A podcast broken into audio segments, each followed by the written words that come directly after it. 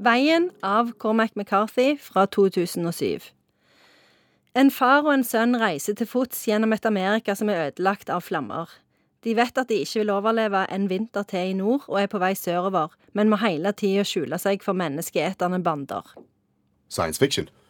Det er på en måte science fiction, men Cormac McCarthy er en av de forfatterne som ofte blir omtalt som en av de der store forfatterhøvdingene.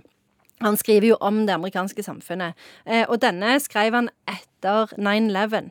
Så det er egentlig regna som en sånn 9-11-roman som handler om hvor er det amerikanske samfunnet på vei nå. Derfor veldig sånn tung symbolikk i at det er et land som er fortært av flammer, da. Det er ingenting igjen. De har eh, ei sånn ei eh, hva det heter, handlevogn så de har tingene sine i. Eh, og så beveger de seg sakte framover. Må hele tida gå vekk fra veien fordi at det, det kommer sånne menneskeetende bander og ser etter mat, da. Så, så det er ei utrolig fantastisk Det er kanskje den beste boka som er skrevet noen gang. Og den har òg et veldig sånn interessant forhold til, til språk, fordi dere husker på, Når vi snakket om 1984 av George Orwell, så snakket vi mye om hvordan han tar opp dette her med at eh, myndigheten prøver å innskrenke språket, sånn at vi ikke skal kunne tenke frie tanker. Og i eh, Cormac McCarthys bok så er det jo sånn at språket på en måte innskrenker seg sjøl. Fordi at eh, kråker fins ikke lenger, cola fins ikke lenger. Så faren husker jo disse tingene fordi han har levd i vår egen verden. Men sønnen han har jo ikke opplevd mange av disse tingene. Så det, når de tingene ikke fins lenger, så mister òg språket sin mening. Så det er veldig interessant, da.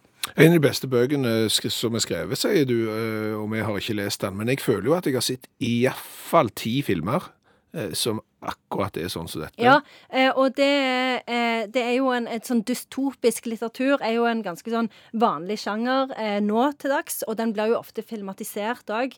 Men denne, det er ingenting som ligner på denne. Eh, fordi at den innsikten som han har i menneskene, og særlig det forholdet som han beskriver mellom far og sønn, det er det ingen andre som klarer å få til. Den kjærligheten som er mellom de to, den er bare så intens at eh, jeg begynner bare å grine hver gang jeg leser. Og når jeg ser boka du har med i studio i dag, så er det ca. 35 gule lapper som stikker opp der. Omtrent sånn som da du hadde med Bibelen og skulle finne fram viktige bibelvers eh, når du hadde delekveld på konfirmasjonsundervisninga. Helt riktig. Det er akkurat det samme. Eh, og her er alt viktig. Så det er litt som en av de bøkene som, hvor, bare, hvor hver setning har mening, faktisk. Er det håp inni her, eller er det bare nitrist? Det er håp fordi at eh, eh det er den kjærligheten mellom disse her to, da. Eh, fordi at det er jo en verden som virker veldig kald og veldig nådeløs, men så er det denne her kjærligheten. Og faren I, i Cormac McCarthy sine bøker så har han ofte et symbol eh, som er liksom fakkelen. Vi må holde fakkelen brennende, og fakkelen er liksom nestekjærlighet og menneskeverd og alle de tingene som Eh, vi setter aller høyest, da. Eh, og det er den fakkelen som de holder i gang, da. Hvor vil du si vi imponerer hvis vi har lest denne? Eh, denne her kan du ta med overalt, fordi at den imponerer jo òg. Hvis det er noen som liksom er veldig glad i sånn dystopiske filmer eller actionfilmer eller sånn, så kan du ta fram denne og så si at denne her, den, den må du lese. Eh, eller, eh, men òg blant liksom de mest intellektuelle av de intellektuelle, så blir de imponerte av eh, denne boka. Den beste boka du har lest, kanskje, mm. sier du. Da skal du få finne ett sitat fra den beste boka du har lest. Jeg har et sitat, og det er dette. Man glemmer det man vil huske, og husker det man vil glemme.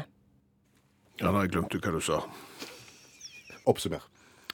En postapokalyptisk eh, vandring gjennom Frp-land ser jeg for meg, eh, der du må velge om du skal bygge ut vei eller ikke? Hvor skal bomstasjonen stå? Går du med handlekorg? Og alle disse som ikke vil ha veien, de spiser deg opp?